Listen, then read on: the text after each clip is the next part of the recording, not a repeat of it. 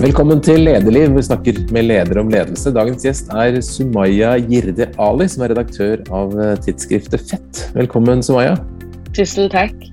Eh, Fett er jo et eh, kvinnemagasin, eies av Kvinnefronten, og dette har, denne uka har det vært kvinnedagen. Hvordan feiret du dagen?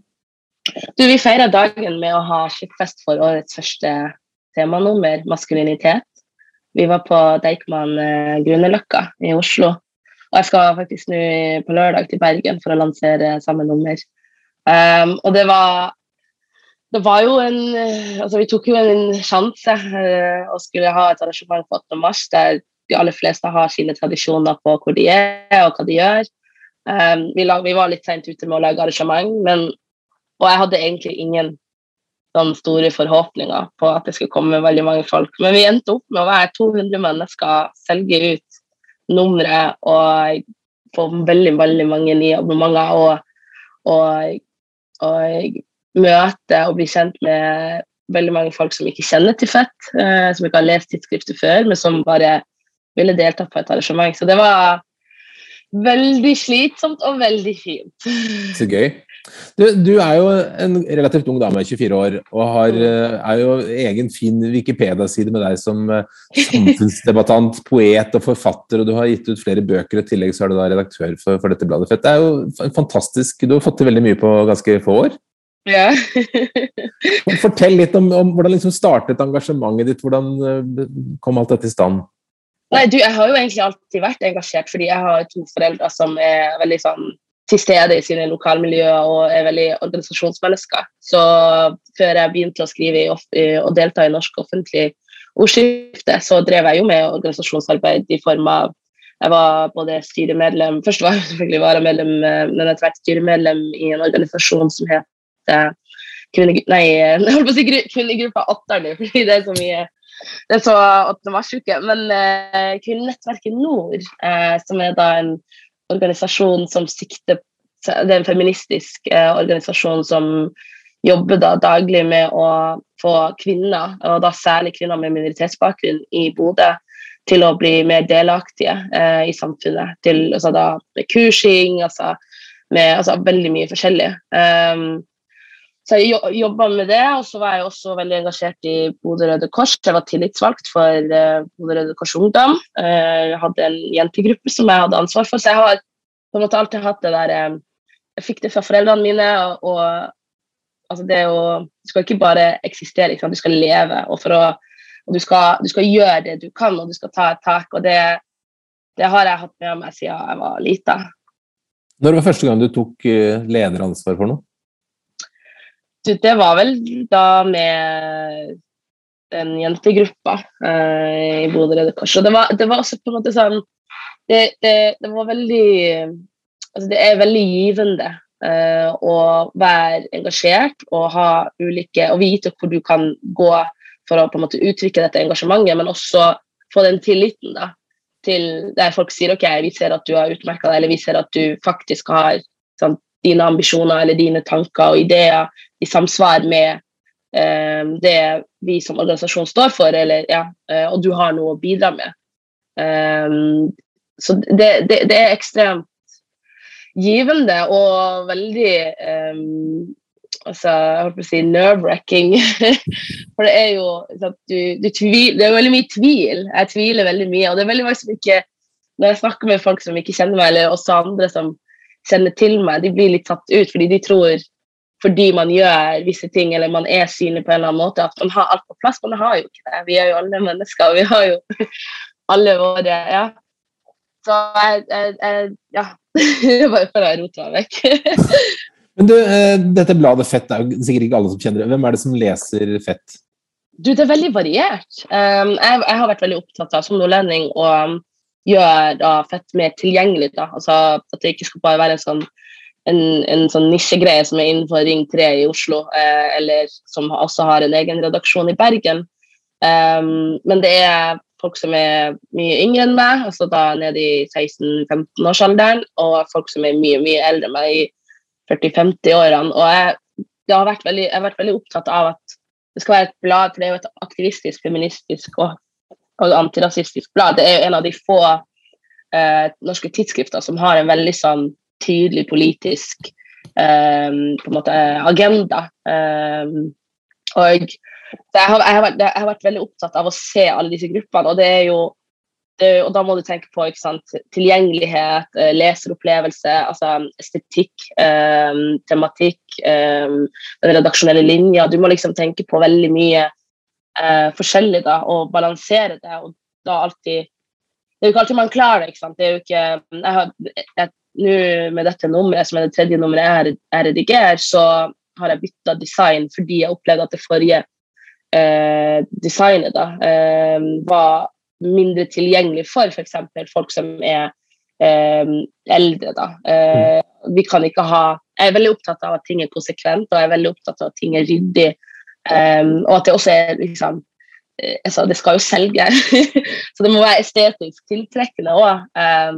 så da kan man ikke ha tekst i ulike altså på, på en og samme side, masse forskjellig tekst som har ulike skriftstørrelse. Eller, så det, du, man må tenke, Som redaktør så har jeg kommet frem til at du må tenke på alle de små tingene til de veldig store tingene, og, og hvordan alt det henger sammen. Altså det, det, det, det, er det som utgjør helheten.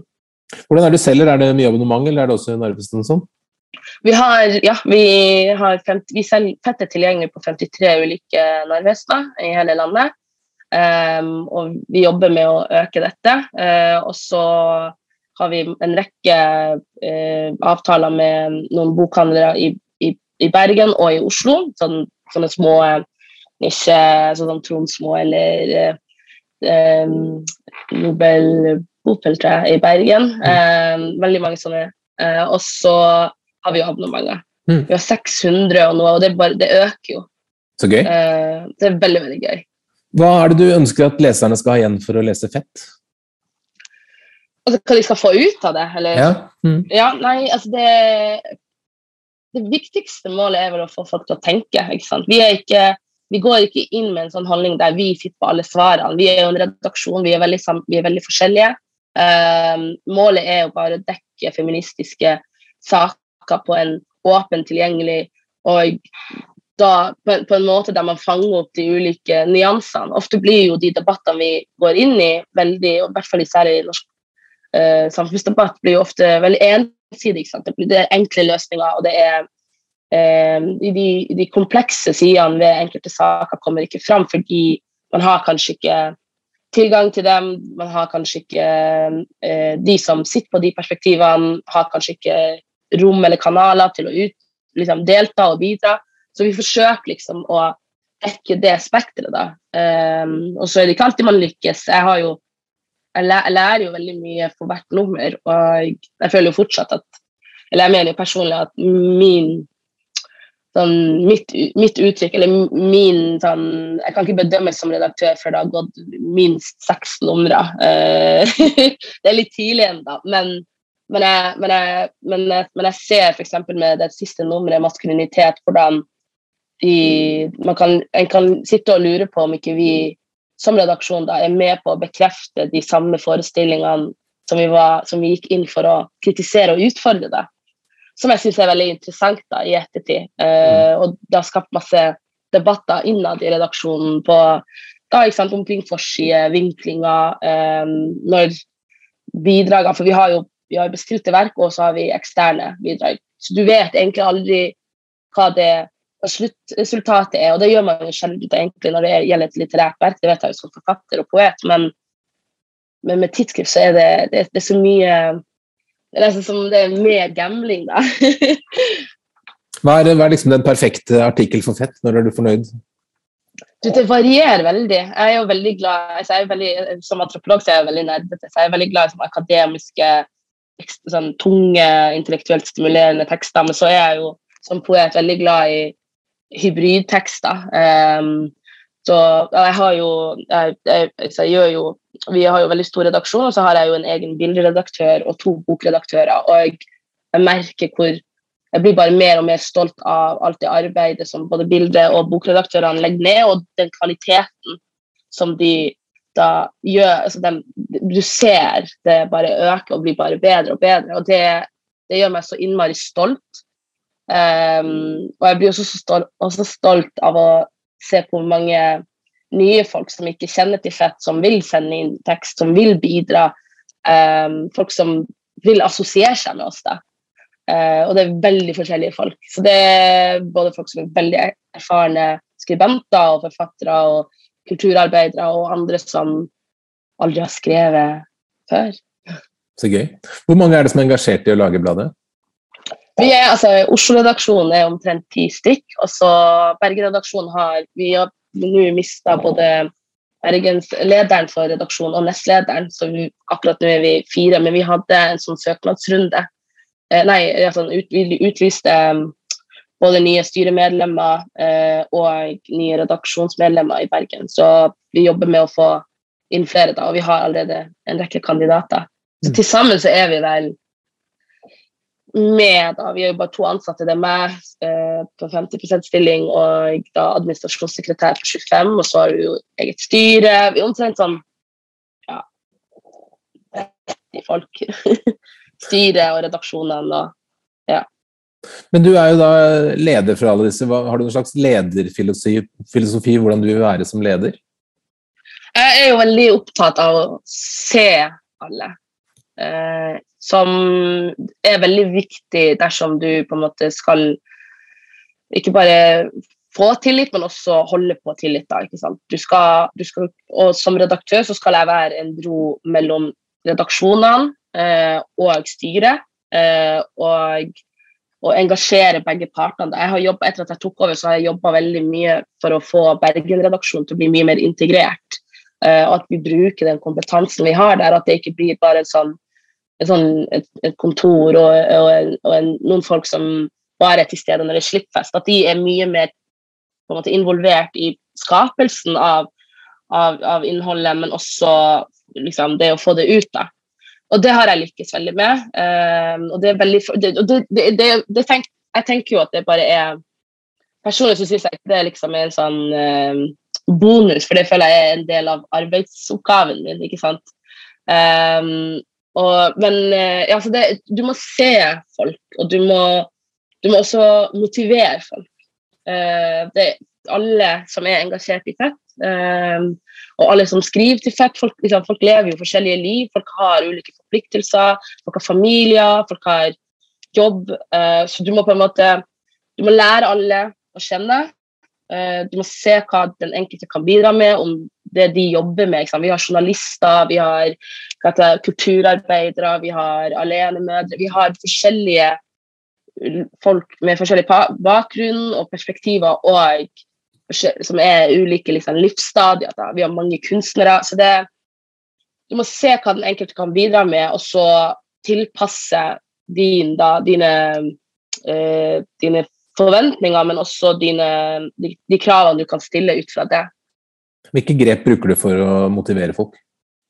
Uh, vi har blitt ett nå som korona uh, har gitt seg i hvert fall en god del. Uh, så har vi begynt å ha flere sosiale sammenhenger. Jeg syns det er veldig viktig at igjen, ikke sant, også for at jeg skal bli kjent, og det, det har jeg jobba veldig mye med, og det har jeg blitt, men du må jo, du må jo kjenne dine medarbeidere. ikke sant? Det, det, det er et fellesskap. og da er det å møtes utenfor skapelsesprosessen, uh, utenfor redaksjonsmøtene, utenfor styremøtene. Det er veldig viktig på en måte, grep, men også bare sånn, det, det, det gjør det så mye enklere. Du, er det noen spesielle ledere eller spesielle opplevelser som har formet deg og ditt syn på ledelse? Jeg har, altså, Etter at jeg tok over, så husker jeg at jeg ble så Det var ekstremt overveldende. første. Um, uh, det ble et veldig det ble så stort ståhei rundt det, egentlig, som jeg ikke forventa. Um, ehm, og det var jo veldig mange som var positive og, og sånn, som kjente på et slags eierskap til at jeg søkte på en jobb og fikk den jobben jeg hadde søkt på. Som er veldig stas, men uh, og som da så, Det er veldig mange som har vært sånn at dette er historisk, og dette må bare liksom, feires. Og så har jeg tenkt i ettertid det er jo litt seint at eh, en som meg, en som ser ut som meg. For sånn her, altså, det er ikke bare liksom, positivt da, hvis man skal til um, men, uh, men, jeg husker veldig tidlig, da, før jeg fikk noen form for mulighet til å vise hva jeg kan, da, til å før det første nummeret, som hadde tema funksjon, um, kom ut, så var det flere bidragsytere som sendte meg da meldinger og var både glad for um, altså da, at jeg hadde tatt over jobben, men også at de kunne, de kunne være med og bidra. Så husker jeg veldig godt det var ei som skrev fordi jeg hadde, Folk sender jo inn bidrag, og så eh, til da redaktørmailen, og så svarte jeg dette var et veldig bra bidrag, dette vil vi veldig gjerne ha. Det var en tekst om ME. da. Det var, Hun hadde skrevet om det å ha den sykdommen, men altså at den sykdommen tar ikke pauser, selv ikke i krisesituasjoner. da, eh, Og at det gjorde at det hindrer, det hindrer henne fra å være, bidra eller være til stede under merkedager, men også veldig eh, omveltende og, og personlig sånn, så Søstera hennes hadde tatt selvmord. Um, det var en veldig sår tekst og, og såre dikt som hun også skrev. og jeg ble veldig bevega og så sa jeg, ja, dette vil vi veldig gjerne ha med. Og så svarte vedkommende um, tusen hjertelig takk, og så sa hun du en veldig god redaktør. Mm. Som jeg syns var veldig eh, Jeg ble litt satt ut av det. Og jeg har jo flere redaktører sjøl. Jeg snakka med Anders, eh, redaktøren min på Cappelen, om det. Og, og jeg sa til ham hvordan kan, hvordan kan hun vite det? ikke sant? Jeg har ikke Jeg har bare, jeg har bare liksom takka ja for dette fantastiske bidraget. Det er hun som har gjort jobben. ikke sant? Og så har jeg bare gjort min jobb, bare akseptert den. Og så sa han du, du må forstå at det for veldig mange folk så kommer så, så, er det å sende inn teksten det, det vet jeg jo selv, det er veldig personlig, men det er for veldig mange folk som du kommer til å møte, det, det er første gangen de gjør det. ikke sant? Og det er første gangen de, de gjør det på den måten. Og da å bli sett, da, og, bli, og, og også bare og, og, også bare få høre at dette vil vi ha, det betyr mer for folk, og det, og det, har, og det har, ingenting med deg å gjøre. Det er bare veldig personlig. Og det var en av de liksom, første lærdommen jeg måtte jeg, jeg, jeg fikk, da. Uh, jeg husker, jeg, jeg syns fortsatt at det er litt vanskelig å, å, å tenke på. For du, du, du, er så mye mer enn bare en redaktør, da, eller en, eller, eller, en, leder, eller en som skaper ting, eller og er en del av et intellektuelt søsterskap. Du, for mange så blir du og det du gjør, et slags symbol på at de for første gang får tilgang da, til noe som de tidligere ikke har hatt. Og det, gjør det også ganske vanskelig å skulle si ja. til noen at de ikke får tingene sine på, kanskje? Nei, det føler jeg ikke. Uh, men det var, det, var, det var, Nei, det føler jeg ikke. Jeg, føler, jeg, jeg har jeg både som, altså, Fordi jeg har jobba veldig mye med uh, Fordi jeg har skapt Jeg har en del verk sjøl og er veldig glad i kritikk og er veldig glad i og har fått veldig mye kritikk da, fra avisredaktører og forlagsredaktører og andre samarbeidspartnere på, der man skal skape og man skal få fram noe sjøl, så har jeg blitt veldig Pga. de rundt meg, da, erfarne folk og redaktører som har lang fartstid, så har jeg lært hvordan være en god redaktør òg. Hvordan du kan si nei på en respektabel måte. hvordan du kan Folk vil jo bare Og vi får jo massivt med eh, liksom, bidrag, og, og jeg, jeg, tar meg tid til å svare på alle og, og si sant, vi har ikke kapasitet nå, eller dette faller litt utenfor, eller akkurat nå så har jeg dekt faktisk det lille vinduet jeg har til tekster eller bidrag som faller utenfor temaet. Så jeg, jeg, føler jeg klarer å få det fram. Det, og det handler jo bare om å sant, takke for at folk har tatt seg den tida. Uh, selv om det ikke passer, eller selv om det kan Eller fungerer i en annen sammenheng, og også da ønske liksom, altså da uttrykke at du håper at de ja, gjør det ved en senere anledning. Mm.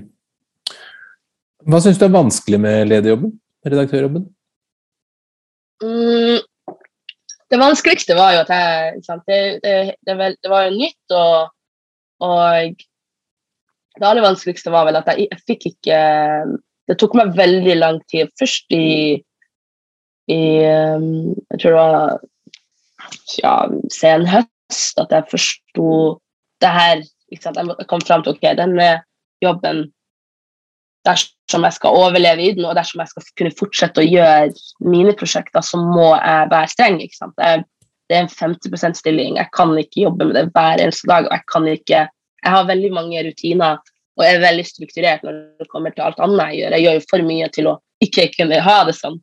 Um, så jeg måtte være streng, da, selv om og, jeg følte veldig sånn På grunn av responsen, da, den massive medieresponsen og alle, sånn, alle jeg har møtt Nå er jeg jo sånn, først og fremst bare redaktør, og det, det syns jeg er veldig fint. Og det er veldig mange som ikke kjenner meg, og de aller fleste jeg møter, det er jo bare fett. ikke sant? Fett, det, og det, det, det, elsker jeg, fordi jeg vil jo prate om tidsskrifter og spre det glade budskapet. Men men det, jeg forsto veldig fort at dersom jeg skal kunne fortsette å være da, kritiker, som jeg også er, eh, dersom jeg skal fortsette å være poet og, og gi ut av min første roman i høst, f.eks., så må jeg, jeg må bli flinkere til å begrense da, redaktørrollen. Um, og innenfor de rammer, forholde meg til de rammene som er satt for meg. Uh, og det har jeg det har vært vanskelig og det har vært krevende. Jeg ble utbrent. Um, men jeg har et fantastisk styre som har tilrettelagt veldig. Jeg, hadde, jeg tok ikke sommerferie, f.eks. For eksempel, fordi jeg hadde, jeg hadde, liksom På et eller annet tidspunkt så internaliserte jeg jo hvor viktig det var for folk, og så ble jeg bare så tyngda av alle disse forventningene og, og, og, og alle, liksom, liksom, alle disse kravene som, som ble stilt til meg. Eh, så, så, rollen hadde jo Det var jo veldig mange i Fett som har vært med tidligere, og som er med nå, som sa at redaktørrollen har endra seg da etter at jeg tok over. Fordi det er veldig mye det er veldig mye fint som har kommet med det, men som også gjør da at jeg er, redaktør på en helt annen måte enn hva de, mine kollegaer tidligere var. Mm. Som ja, har vært veldig krevende. Et av de temaene som har fått mye oppmerksomhet da i kvinnedagsuka, er jo kvinner og ledelse, og hvor få kvinner, eller hvor liten andel kvinner er av toppledere osv. Men når det gjelder unge kvinner, tenker du at unge kvinner slipper like godt til som menn, eller hvordan er statusen på likestilling og mm. ledelse? Mm. Slippe, altså jeg, jeg, føler altså da, Ja, da tenk, men da tenk, hva du tenker Er det like lett for en ung kvinne å bli leder som for en ung mann? Jeg, jeg synes det, eh, det får meg faktisk til å tenke på um, for Jeg leste et sånt intervju Det er jo ei jeg kjenner som heter Anna, som har tatt over redaktørstillingen som, ja, i Utrop. da. Um, og det fikk jeg med fordi hun hadde snakka med meg om det. og i et intervju så ble hun spurt, da, der ble jeg nevnt, og det var, det var en, en, kompis som gjorde meg oppmerksom på det. Og Selma Moren, som er debattansvarlig i Dagsavisen, ble også nevnt. Der intervju, intervjueren spurte om, om det nå er lett da, om vi har et slags nettverk der vi liksom hjelper hverandre opp og frem, eller noe som var bare litt tullete og spekulativt. Men jeg tror ikke nødvendigvis det er lettere, men jeg tror, altså, jeg tror, jeg tror ikke det nødvendigvis er vanskeligere, egentlig. Men jeg tror det som kan være vanskelig, og det, det kjente jeg jo veldig på når jeg begynte å skrive, det var jo for jeg var jo en ung og frekk og frimodig. Herregud, Jeg blir så flau hver gang Facebook minner meg på et eller annet jeg skrev. Og, og, det er veldig mye jeg har skrevet som jeg ikke assosierer med. Jeg har et veldig sånn disassosiativt forhold til det. fordi jeg blir helt tatt ut. Altså, hva det med? Herregud. Men eh, det, det er, Jeg husker veldig godt de første årene at jeg, jeg kjente på en slags sånn eh, slags sånn identitetsløshet da, i møte med alle disse akademikerne, journalister, kommentatorer og liksom offentlige ordskifte, disse meningsbærerne, disse premissleverandørene og sant, dette språket man bruker, det, det, den, den, måten man er så fastlåst i sin egen boble å tenke på. ikke sant? Uh, tenke gjennom. altså da, da husker jeg at jeg kjente på en sånn, Lenge så kjente jeg på en trang til å nærmest omstille meg, eller liksom uh, speile akkurat det. da, Og legge fra meg mitt da, daværende vanlige språk og, og, min måte å se verden på. liksom Bare fort bli voksen, som er veldig klassisk. Så jeg tror, jeg, jeg tror det er der for jeg husker liksom, Det var så mange debatter. Det var, det var en sånn tråd eh, hos Hans Petter Sjøli i VG der han og flere andre diskuterte fraværsgrensa. Og jeg husker jeg var bare sånn det her er helt søkt. Altså, ingen av dere forstår hvordan dette er for unge folk. Jeg forstår det, men jeg, men jeg, men jeg husker jeg turte ikke å uttrykke det i det kommentarfeltet fordi det, det var som å komme fra en helt annen planet og prater på et helt annet språk. Så det, faren, på en måte, tror jeg, den største faren er at vi unge, da, vi, vi, vi, vi har den der trangen med å vokse opp, da, med, med, med, men, men, også etterligne eller ape eller, eller, eller, eller, eller se ut som eller prate som da, omgi, liksom, slik omgivelsene gjør. Og det er viktig og det er nødvendig i mange setninger. Skal du bli tatt på alvor, så må du tilnærme deg en viss ordforråd, og, og, du må kunne sette deg inn i komplekse ting osv. Det er ikke det jeg snakker om. Jeg snakker ikke nødvendigvis om kompetanse, men mer pakninga, da, ikke sant? Og, og, mer måten du får det frem. Dersom du er mer opptatt av å ligne da, på omgivelsene dine, så, så blir det unike ved deg da, og ditt perspektiv og ditt ståsted, det er jo det som Det, det, det, det blir borte. Så jeg, det er det vanskeligste, tror jeg. Men tenker du at unge kvinner som har ambisjoner og har lyst til å, å bli ledere for et eller annet, føler seg begrenset av at de er kvinner? Nei, det tror jeg ikke. Eller jeg, jeg gjør i hvert fall ikke det. Og jeg, jeg, jeg kjenner veldig mange, både unge og, og, og ja, voksne eller eldre kvinner som jeg, jeg, tror vi på en måte er forbi det. Eh, men, altså, men, men, så har man jo samfunnsområder, altså næringslivet, der, der, man ser mm. at det, det trengs. Men i offentlig ordskifte og i norsk kulturbransje så føler jeg at det det problemet er ikke så Det er ikke like gjeldende som det det var før, da. Hvor tenker du det er mest liksom, ugjort på, på, likestilling i Norge i dag? Det er mange steder. det, det, er veldig mange steder. Det, det, altså, jeg synes, altså det, det, jeg syns er veldig interessant, er hvordan liksom, det, der, det gapet mellom teori og praksis, altså da de nasjonale verdiene, vår ident, liksom, nasjonale identitet, de, de, de, verdiene vi fremmer, da, likestilling er jo veldig høyt der oppe, og vi er jo et likestilt land. Uh, men i praksis, ikke sant. Det er jo fortsatt, når, man, når det kommer til bl.a. Uh, bare organiseringen av hus, hjem. Mm. Det er jo fortsatt kvinner som selv når de er i fullt arbeid, selv når det er sånn, Likestillingen på bare bakkeplan i hjem er fortsatt Og da når det kommer til omsorgsarbeid, når det kommer til hvem som gjør mest i huset, hvem som tar mest ansvar, der har vi langt å gå. Og jeg har sjøl vært i, i, det forrige forholdet mitt, så var jeg veldig opptatt av at det skulle være motsatt, som er også galt, nei, galt da. Mm. Uh, så det må være en balanse der. Men jeg, men jeg ser det hos, liksom, hos, mange jeg kjenner, som er veldig sånn premissleverandører i disse debattene, og så likevel liksom det man fremmer og hyller og dyrker, det, man er ikke like god på å praktisere det, da. Er det, er det større utfordringer på likestilling i, i privatliv og hverdagsliv enn det er i arbeidslivet? Mm, ja, det vil jeg si, egentlig. Jeg har, altså, da, også blant unge. Jeg var en del av en veldig stor vennegjeng der seksuell trakassering var et veldig stort og, og, og veldig vanskelig tema. Og det å bare prate med hverandre om da, uheldige og kjipe opplevelser som, har, som, da ofte skjer i fylla det, Så det, jeg, jeg, vil si at det, de, eh, så strukturelt så er det jo arbeidslivet, men, men, men, men hverdagslig så, så, vises det jo i form av de små tingene.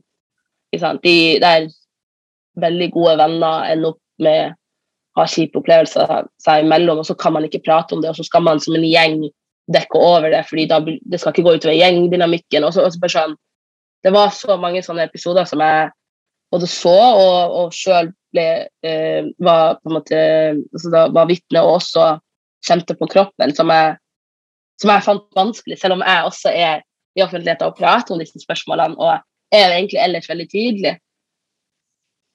Nå er det jo sånn De fleste um, ledere så det er jo ledere som hører på dette i stor grad, du vil jo gjerne ha en arbeid, jeg sier i hvert fall at de gjerne vil ha en arbeidsplass med, med likestilling, og hvor, hvor, det er likestilling mellom kjønnene. Hva tenker du er det viktigste man skal gjøre for å sikre at man har en full og god likestilling på jobben?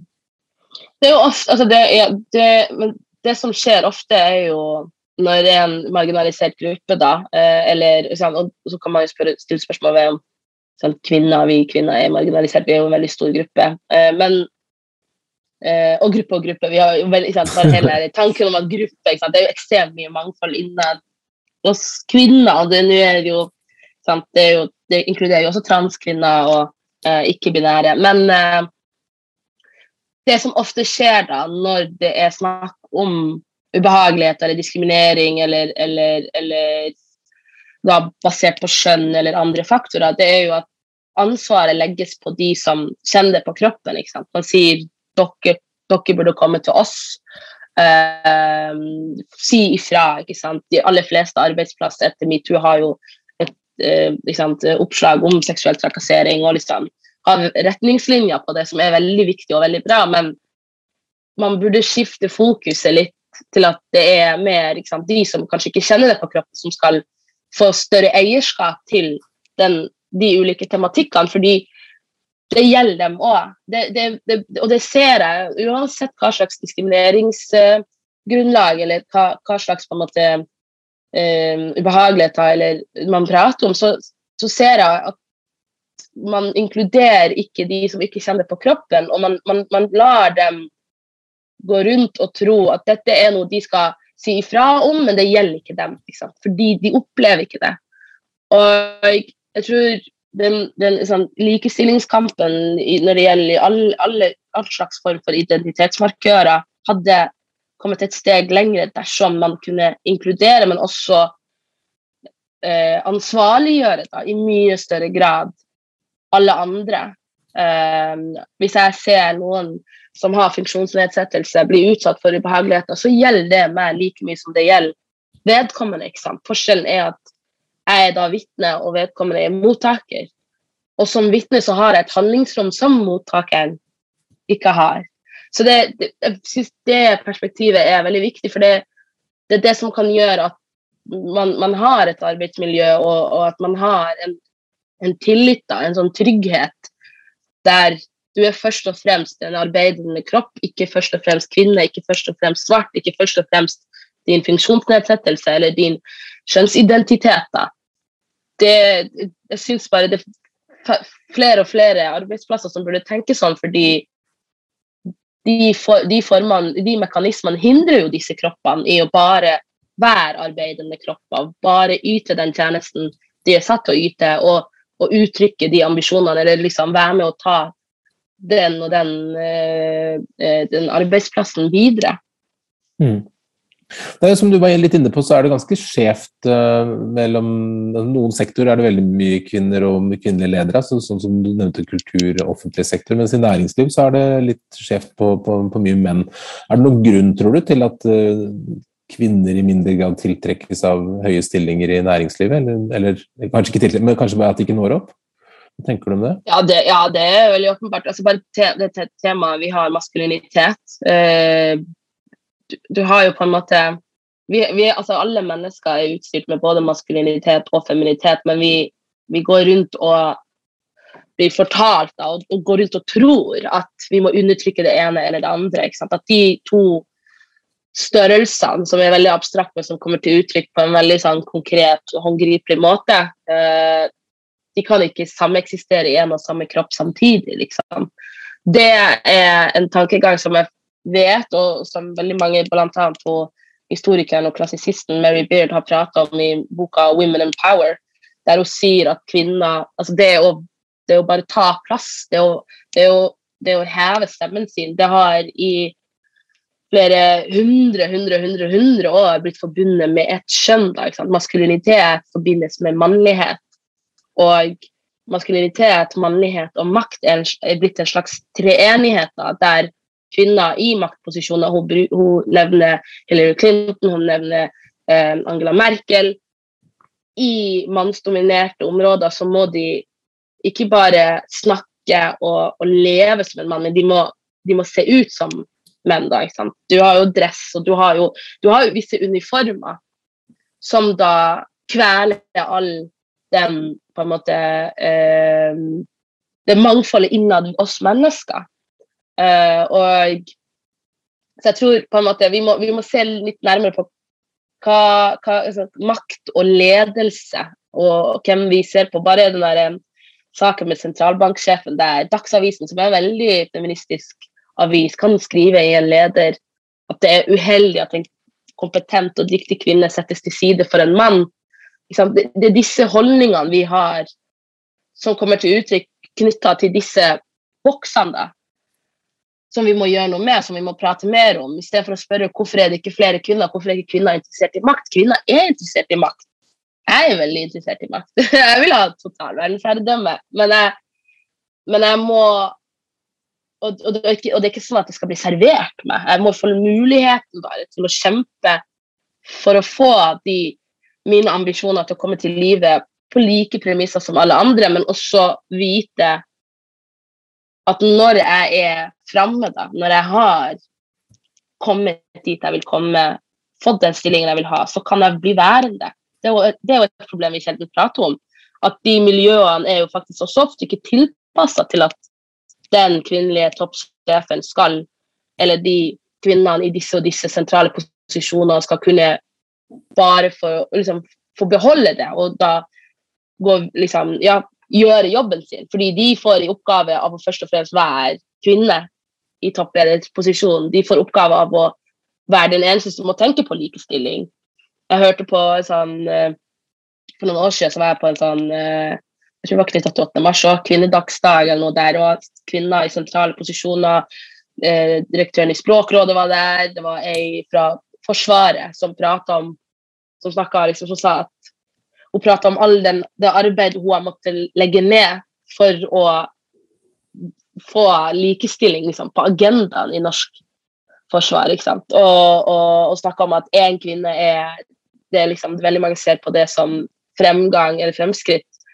To kvinner er mer symbolsk. Tre er reell likestilling. Vi må liksom Og da er det ikke opp til den enkelte aktøren, den enkelte som har fått innpass, som nå er reduseres stadig til, et, til, en representant, til et symbol. Det er opp til hele arbeidsplassen, hele bransjen, da, å ta det ansvaret. Litt sånn som i sted. At de, den og den, de former for diskriminering det gjelder ikke bare de som blir utsatt for det, det gjelder alle. Du nevnte maskulinitet, at vi har det i oss alle sammen, både maskuline og feminine sider. Tenker du at du henter frem dine maskuline sider når du skal da være leder? Er veldig, og jeg er veldig maskulin, og det sa også Det snakka eksen min med meg veldig mye om. Jeg var mer maskulin enn det han er, i form av at han jeg, jeg, har, jeg har, det for faren min. Han, han, er veldig sånn tar plass, og mamma har alltid sagt at jeg går som pappa. Jeg går som jeg eier gata. Og, og det her har jeg fått høre fra andre folk og venner. Du går med en selvtillit. Og folk blir litt satt ut av det òg, fordi de, de skulle tro og jeg forstår det òg. Det er ikke mange jenter som ser ut som meg. Det er veldig få jenter som ser ut som meg i de aller fleste rom jeg beveger meg i. Og, og da at jeg skal gå med en selvfølgelighet, at jeg skal være der. Hvorfor skal jeg ikke være der? Jeg er vokst opp i dette landet, jeg har tatt den utdannelsen jeg har tatt. og jeg, jeg, jeg alltid fra jeg var liten fått høre du skal ikke bruke stemmen din bare på valgdagen, du skal bruke den hele tida. Det har jeg fått høre fra norsk skole. Så da, for meg er det en selvfølge å gå rundt da. Og ikke noe, jeg tror oppriktig ikke at jeg eier gata, men jeg går med en selvtillit. Jeg går, jeg tar plass. Jeg, jeg, og, jeg, og, jeg, hever stemmen min, og jeg er ikke redd for å skuffe mitt publikum. Og det, det er disse kvalitetene som ofte forbindes da med maskulinitet. da, ikke sant? Det å, det å ha disse ambisjoner. Det er jo det er å sånn, Fagterminologisk så, også, så forbinder man jo maskulinitet med med, med lys, med, med, med aktivitet. Mens feminitet er passivitet og, og mørke. Og, altså, så du har veldig klare assosiasjoner. Um, men, jeg, men, men jeg, jeg har jeg faktisk, Til tider så kan jeg undertrykke min feminitet, da. men det, det, det jobber jeg med. Liksom. De, de, må kunne eksistere på en sånn sunn grad, begge de to samtidig. Og det er det få som på en måte er bevisst. Da. Jeg tror jeg føler Vi må prate mer om det, og, og, og, særlig vi kvinner må ta mer eierskap til det maskuline i oss. For å kunne ja, lykkes, men også bare leve og være der vi vil være, da. Men er det greit å si at eh, kvinner må være litt mer maskuline for å kunne ta lederroller, eller burde man heller tenke at uh, verden må tilpasse seg slik at man trives mer med å bli ledet av feminine sider? Det er jo, altså det, altså jeg, jeg, er veldig opptatt av strukturer, men jeg er også veldig opptatt av egeninnsats. Jeg er veldig opptatt av at du må, ja, altså du må være løsningsorientert. Du, du, kan ikke bare klage, du kan ikke bare kritisere. Du må også gjøre noe. Brette opp armene Skap dine egne plasser. Uh, gå til de riktige instansene. Klage inn. ikke sant? Sett dagsorden. Og det, det er veldig viktig og alt annet blir en slags sånn utopi. ikke sant? Vi kan ikke sitte og vente på endring, vi må skape den sjøl. Og da må vi ta grep. Da må vi ta plass. Og dersom vi blir aktivt hindra, så må vi snakke høyt om det og liksom snakke problemet i hjel. Men samtidig gjør ting. Sånn. Mm. Vil folk ikke ha Vil en viss, vil et, vil en liksom, viss bransje ikke ha det som hun, hun dama som er i fiskerinæringen, som snakker om da, seksuell trakassering og, og, offentlig, og går er veldig tydelig og klar. Du kan jo møte på represalier som hun gjorde, hun ble jo slått ned på jobben. Men da er det viktig at flere kvinner, og også at flere, altså at offentligheten og, at an, og andre tar og snakker om det og, og, og, og backer henne. Mm. Du, hva vil du med, med, fett? Altså, du sa du har gjort noen nummer nå, du mente at du ikke har gjort så mange nummer, at du er fullt erfaren ennå. Men, men, har du noe mål, og ambisjon om hva bladet skal bli under din ledelse? Du, det altså, Det aller viktigste for meg er å skape et produkt jeg er stolt av. Liksom. Det, det, det, det er og, og samtidig å gjøre det med både styret og redaksjonen med meg. Det er det aller viktigste. At vi Og jeg er stolt hver gang, og denne gangen har jeg vært også mer kritisk til liksom, oss sjøl og produktet òg, og det syns jeg er sunt. Synes jeg er viktig. Det betyr at jeg har lært fra de to tidligere numrene. Uh, så det er jo bare ja, å ha det gøy og, og skape noe jeg er stolt av, noe jeg kan se tilbake på. Jeg, jeg, helt, jeg blir ofte jeg tatt meg i å bli litt svimmel over at jeg gjør den jobben, og jeg har den jobben. Og, jeg, og jeg, jeg, er veldig stolt av å være redaktør. Kan du se for deg å være redaktør for noe annet og større i fremtiden? Ja, du gæren. Et forlag, altså en avis. Ja. Jeg har altfor mange ambisjoner, det er det som er mitt problem. Noen folk har ikke ambisjoner, jeg har altfor mange. Kringkastingsredaktørjobben er ledig nå, kanskje litt tidlig, men eh, er, neste gang kanskje? Det, det er altfor tidlig, og det tror, jeg, det tror, jeg, akkurat det tror jeg hadde vært litt kjedelig. Men uh, uh, Eller kjedelig og kjedelig, det hadde vært interessant. Jeg er jo, jeg er jo medlem i Kringkastingsrådet, så jeg lærer jo veldig mye om på en måte det arbeidet. Men uh, Eller har fått sett liksom, og lest, selvfølgelig. Men jeg, nei, jeg er mer, mer interessert altså, jeg, jeg, skal jo fortsette å studere. Jeg jeg har lyst til å bli professor, jeg har lyst til å bli internasjonal bestselgerforfatter. Jeg har lyst til å ja, bare utfordre meg og utvikle meg og, og ta så mye plass. Skal, det var jo en av de første lærdommene jeg liksom, fikk da når jeg begynte å skrive. Det var det er jo ingen som kommer til å gi deg mikrofon. Den må du ta sjøl.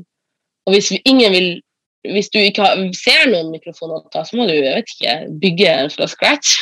Du må bare du, ja, du må, ja, du må bare leve da, i tråd med de verdiene du har, og, og de ambisjonene du har. Og, og, så er jeg og vi så ekstremt privilegert at vi bor i et samfunn som ikke bare tilrettelegger for det, men som promoterer den type ambisjoner. Men du, du, var litt inne på det, du har eh, mange forskjellige ting du vil gjøre. Ja, hvordan, hvordan prioriterer du, hvordan planlegger du uka di? Du, jeg, jeg, ser alltid på Jeg er veldig avhengig av kalenderen min. Ekstremt avhengig av den. Og jeg, jeg romantiserer hele ideen om å ha en sånn skriftlig kalender, men jeg klarer ikke det. Jeg må ha den på iPhonen min, og jeg planlegger Altså så jeg jobber jo med fett. da, Nå De siste tre ukene har jo vært fett, fett, fett. Fordi vi hadde nettopp lansert maskulinitet, skal lansere det i Bergen. i dag skal jeg skrive søknad til Fritt Ord for neste nummer, som kommer i juni.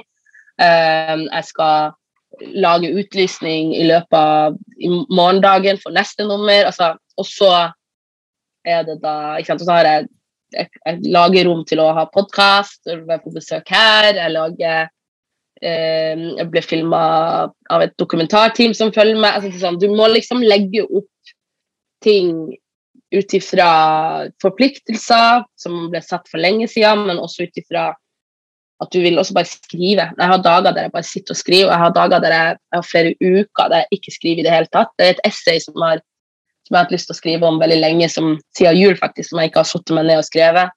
Jeg har andre skriveoppdrag. Jeg har en roman som sitter og kommer og hjemsøker meg og sier 'herregud, du, du har slått opp med meg', og jeg sier 'nei, jeg elsker deg fortsatt'. Og Så, ja, men, så det, er, det, er, veldig mye, og det er veldig gøy. Og så er jeg veldig, veldig sosial.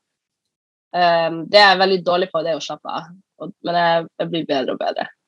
Ja, For det må være noe som velges bort her? Det må være noe som velges bort, og jeg har dager der jeg ikke gjør noe som helst. Det er dager der jeg bare sitter og ser på serie. Ofte dagen derpå. Helt til slutt, Sumaya, hvis det kommer en, en uh, ung eh, person til deg som har lyst til å bli leder for et eller annet, leder for en redaksjon eller leder for noe annet, hva er de tre viktigste lederrådene du vil gi? Hvordan er man en god leder? Tre råd. Tre råd. Vær tro mot deg sjøl. Se alle. Ha tillit. Hold på tillit. Og da, For å ha tillit så må du være transparent, du må være tydelig, du må være um, Altså, du må være motiverende. Uh, du må se hva enkeltindividene kan bidra med, og sette det inn i det puslespillet som utgjør helheten. Du må også, være, du må også ha respekt for folks tid, for folks andre forpliktelser de har. Det, altså, fett er tidstyv. For meg jeg, jeg, er i en lønna stilling, men jeg kan ikke, og det er veldig viktig for meg å være en del av Fett, men jeg kan ikke gå rundt og forlange at alle andre skal yte um, på et sånt nivå der de liksom er da lønnsmottakere. Det kan jeg jo ikke. Så jeg må jo liksom tilpasse mine forventninger ut ifra både hva slags måte, posisjon de har, er de innenfor redaksjonen, er de i styret, men også er de eksterne. Altså, så det, det, er veldig mye. Um, og og så ha det gøy, da. Det, det, du må trives. Det må være noe som gir deg det må, det må være et arbeid som du føler liksom, gi det mening, da. Det er det aller viktigste i alt jeg gjør. Jeg, jeg må føle at dette er noe som som jeg føler stimulerer meg på en eller annen måte. Engasjerer det meg, provoserer det meg, utdanner det meg. Får det meg til å utvikle meg som et ungt menneske som er stadig utvikling. Altså, er, hvis svaret på alle de spørsmålene er nei, så må du gå videre. Jeg gikk litt ut av tellingen der, men det er en veldig god oppsummering, syns jeg. Særlig dette med engasjement. Det tror jeg, ja. det tror jeg du har masse av.